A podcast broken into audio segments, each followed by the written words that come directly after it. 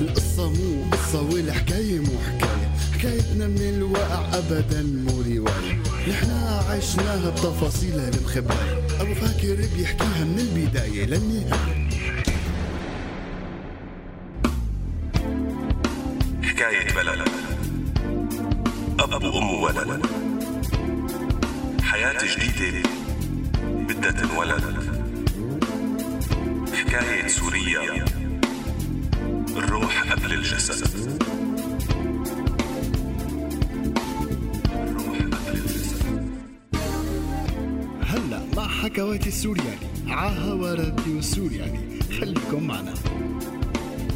يسعد لي أوقاتكم أخواتي السوريانيين بحلقتنا الجديدة وحكايتنا الجديدة. حكاية مي البنت السورية. فرستقوا لنا قعدتكم لنبدأ الحكاية. اليوم وبكرة اليوم وبكرة رح نحكي عن بكرة أحلى. امبارح اليوم وبكرة رح نحكي لك يا بلدي. كيف تغيرنا وغيرنا كيف صرنا نحبك أكتر. ورجعنا يا بلدي تجمعنا وعمرنا يلي تدمر. حلاوة الأفكار نستنا وجع الأخبار ورجع الأمل بضحكة الصغار. سوريالي سوريالك سوريا إلنا كلنا. سوريالي سوريالك أنت اللي قادر تغير أنت ابن البلد. مي أخواتي صبية بعمر الورد؟ بس هي ما كانت تشوف حالها مثل الورد. ربيت ببيت ستها بعد ما أهلها اتطلقوا وهي صغيرة وكل واحد منهم تزوج وراح بحال سبيله.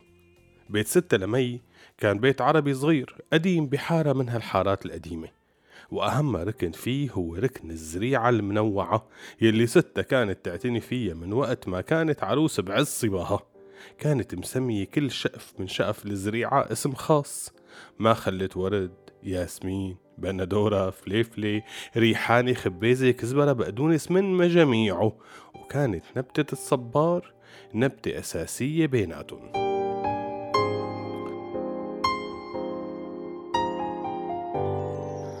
كان إلها طقوسها الخاصة لسقي الزريعة. كل يوم الصبح بتفيقها الست بتحط دولة القهوة على النار. لبينما يغلو الميات بتكون عم تسقي هالزريعات وهي عم تسمع صوت العصافير. بتصبح عليهم وحدة وحدة وكل وحدة بتناديلها باسمها. بترتبهم بتدللهم بتتغزل بجمالهم كأنهم بناتها. وبس تفوح ريحتهم الحلوة بعد السقاية بتكون غلت المي. بتركض بتحط البن وبتشرب فنجان قهوتها يلي امتزجت ريحته مع ريحة الورد والياسمين. وكانت تقول هالقعدة الصباحية هي هي اللي بتعطيني طاقة وسعادة لكمل باقي النهار. أما مي فعلى ما يبدو إنها كانت عم تورث هالعادة من ستة. من وجهة نظرها إنه يلي فيه خير للنباتات وبيعتني فيهم وبخاف عليهم لازم يكون في خير لكل البشر حتى لو كانوا البشر مزعجين بحكيهم وقاسين بنظراتهم كانت كل ما تسأل زريعة تلفت لنظرها نبتة الصبار. توقف جنبها وتتأملها. كانت ستة كل ما تشوفها تضحك عليها وتقول لك يحرق حريشك يا مي.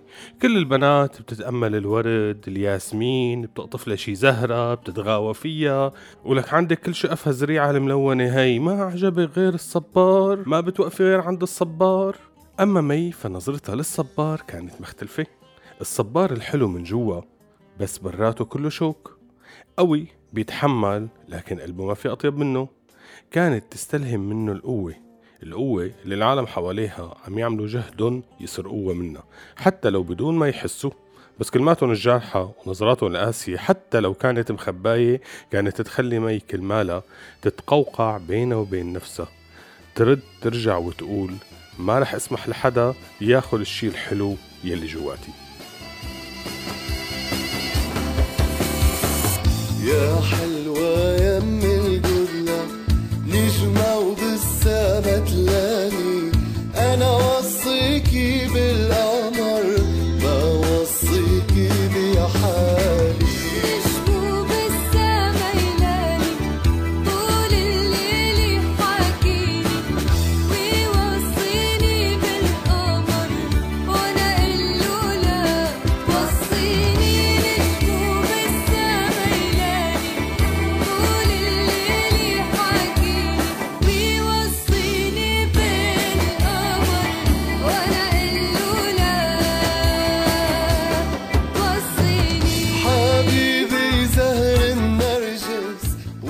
في بنت ما بتحب تكون حلوة بس مو دائما هالشي بكون بإيدنا. مي صبية بعرف النسوان يلي كانوا يترددوا لبيت ستة بالزيارات والصبحيات وبرأي بنات مدرستها وبعدين بنات جامعتها حظاتها قلال من ناحية الجمال. لكن الكل بيشهد لها بجمالها الداخلي وطيبة قلبها ورجاحة عقلها.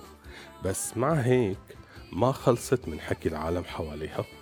على قولة مسكينة مين رح يطلع فيها؟ الله يعينها ما بكفي إما نطلق أو ستة مرة كبيرة. يا ريتها أحلى بشوي كانت لقت لها شي شب يتجوزها. ضيعان هالعمر هذا. والله رح تعنس وتقعد عند ستة. مستحيل حدا ياخدها. ومن هالحكي يلي كانت دائما تحس فيه حتى لو ما انقال بوشها وسمعته. هي بحياتها ما كان هدفها إنها تصير عروس. ولا بتحب البنات اللي كل طموحهم إنه يتجوزوا ويجيبوا أولاد. تفكيرها ابدا ما بيشبه تفكيرهم. لكن كمان بنفس الوقت كانت تحس إنه هذا الشيء حلو. يعني كان عندها رغبة إنها تتعرف على شاب يحبها وتحبه يبنوا أحلامهم يخططوا مستقبلهم سوا. يعني مي ما كانت عم تدور على عريس كانت عم تدور على قلب كبير. قلب حقيقي بيعرف شو يعني حب. كانت عم تدور على رفيق وشريك للحياة. شخص بيقدر يشوف الشخص اللي جنبه من جواته ويحبوا بعضهم بعقلهم وقلبهم.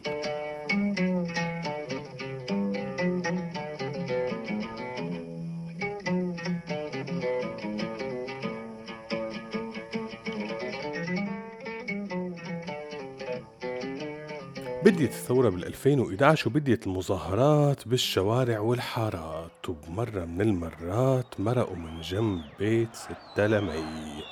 وسمعت مي وبلشت تحكي مع ستة إنه والله شكلها حميت برا يا تيتي.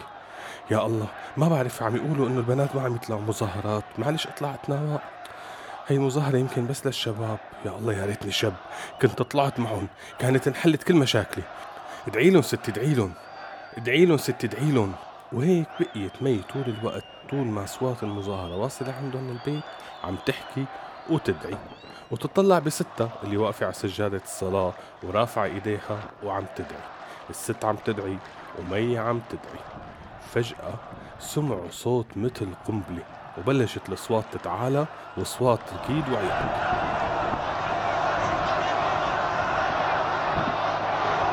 عرفوا انه معناتها بلش ضرب قنابل مسيلة للدموع والشبيحة بلشوا يلاحقوا الشباب. بيت ست لمي كان بحارة آخرتها مسدودة. معروفين بكل المنطقة تبعهم إنهم وحدانيات ساكنات لحالهم يعني بالمختصر ما حدا بشك فيهم. ضلت الست واقفة على الناظور تبع الباب عم تحاول تراقب شو بده يصير برا. بجاية شابين عم يركضوا وعيونهم حمر. عم يشروا دموع. مبين غريبين على المنطقة ما بيعرفوا بالحارات وطالعين بهالمظاهرة. وإذا علقوا بهالحارة رح ينمسكوا فورا لأنها مسدودة. مي خافت كتير وحست بالمسؤولية وبلشت تقول ستي شو رأيك نفتح لهم؟ حبابة افتحي لهم الباب. والله بروحوا فيها هلأ. الست ما كذبت خبر. وقالت هذا أقل شي بقدر أعمله. فتحت الباب وبصوت واطي ندهت لهم ستي فوتوا لجوا يلا فوتوا فوتوا بسرعة. الشباب ما صدقوا لقوا باب انفتح بوشهم سلتوا لجوا على الحارك بدون ما يفكروا. وبس صاروا جوا قالوا لها يا خالي بس هيك بنحطكم بخطر. قامت ردت عليهم الست بصوت قريب للوشوشة. خليكن ساكتين لك ستي ما تطالعوا صوت البيوت هون قريبة على بعضها وكله بينسمع. بعدين الله الحامي انتو طالعين تطالبوا بحقكن وبحقنا. بتقبلوا انه ما نقوم بالواجب ونضل ساكتين؟ لك ستي ولا كلمة يلا فوتوا لجوا هلا بيجوا فوتوا. بهالأثناء بلشوا الشبيحة يفتوا بالحارات يلقطوا هالشباب ويدقوا على البيوت ليتأكدوا إنه ما في حدا متخبي هون ولا هون. لما وصلوا لبيت ستة لمي فتحت لهم وقالت لهم الله يرضى عليكم روحوا من هون أنا مرة كبيرة الكل بيعرفني وبيعرف إنه ساكنة لحالي أنا وحفيدتي ما لنا بهالمشاكل هي. طبعا الشباب جوا إيدهم على قلبهم خاصة وقت بلشوا الشبيحة يتجادلوا مع الست ويقولوا لها إنه بدهم يفوتوا يفتشوا البيت.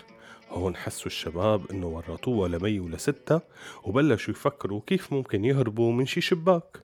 بس مي قالت لهم إنه ما في مجال لأنه إذا طلعوا على الحارة أكيد حيلقطوهم.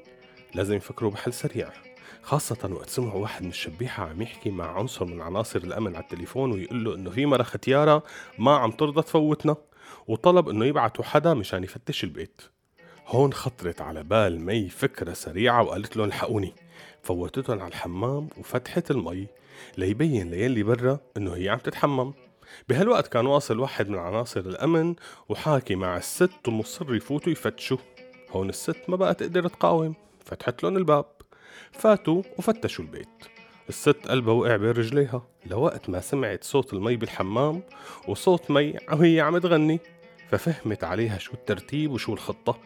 فلما سألوها مين هون قالت له حفيدتي عم تتحمم. شو؟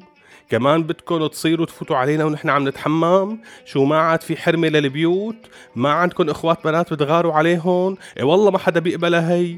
وبلشت تعلي صوتها وهي عم تحكي. هون حسوا الشبيحة وعنصر الأمن إنه حيعلقوا بلسان مرة ختيارة حتجرسهم وتوجع لهم راسهم على الفاضي. مبين إنه ما في حدا بالبيت. فخصموها وطلعوا من البيت وهن عم يقولوا الله يعين حفيدتك كيف متحملتك الله يبعث لها نصيبها ويخلصها منك. مي بهالوقت عم تسمع هي والشباب الكلام ويضحكوا بصوت واطي بعد ما اطمنوا إنه خطة مي نجحت وإنه نفدوا من الاعتقال.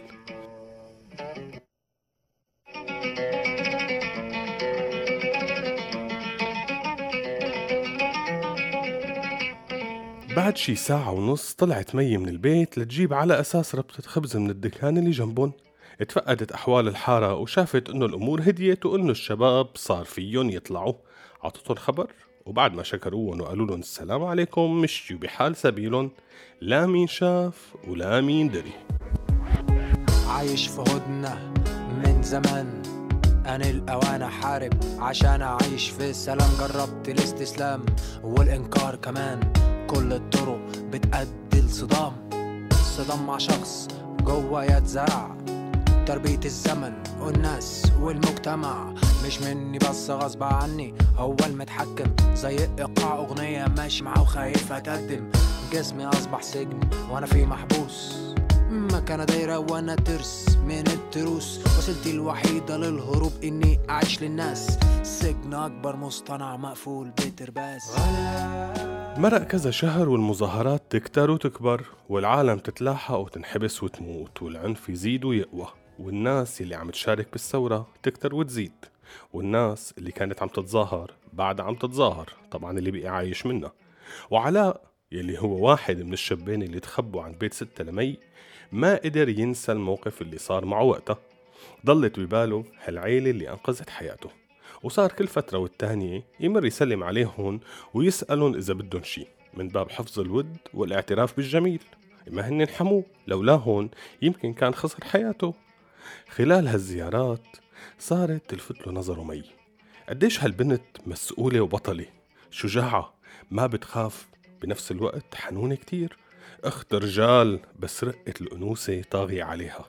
ذكية وعاقلة. يا ترى لو تقدمت لها حتقبل فيي؟ هيك كان علاء عم يفكر بينه وبين حاله لحد ما تجرأ وسألها هالسؤال بالنسبة لمي عطاها مشاعر ما مرت فيها من قبل. حست بشي غريب كتير عليها. نظرة إعجاب مو نظرة شفقة. حدا عم يشوفها من جوا مو بس من برا.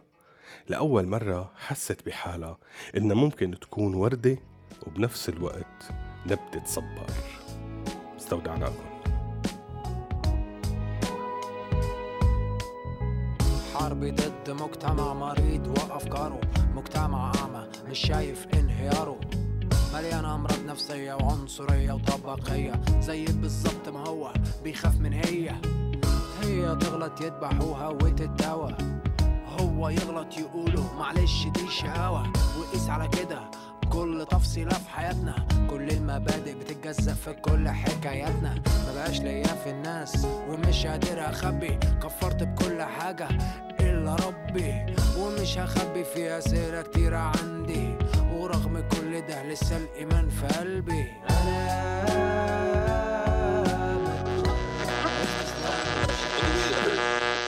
هذا البرنامج من إنتاج راديو سوريالي 2017 عم تسمعوا راديو سوريالي. على فكرة هذا مو راديو.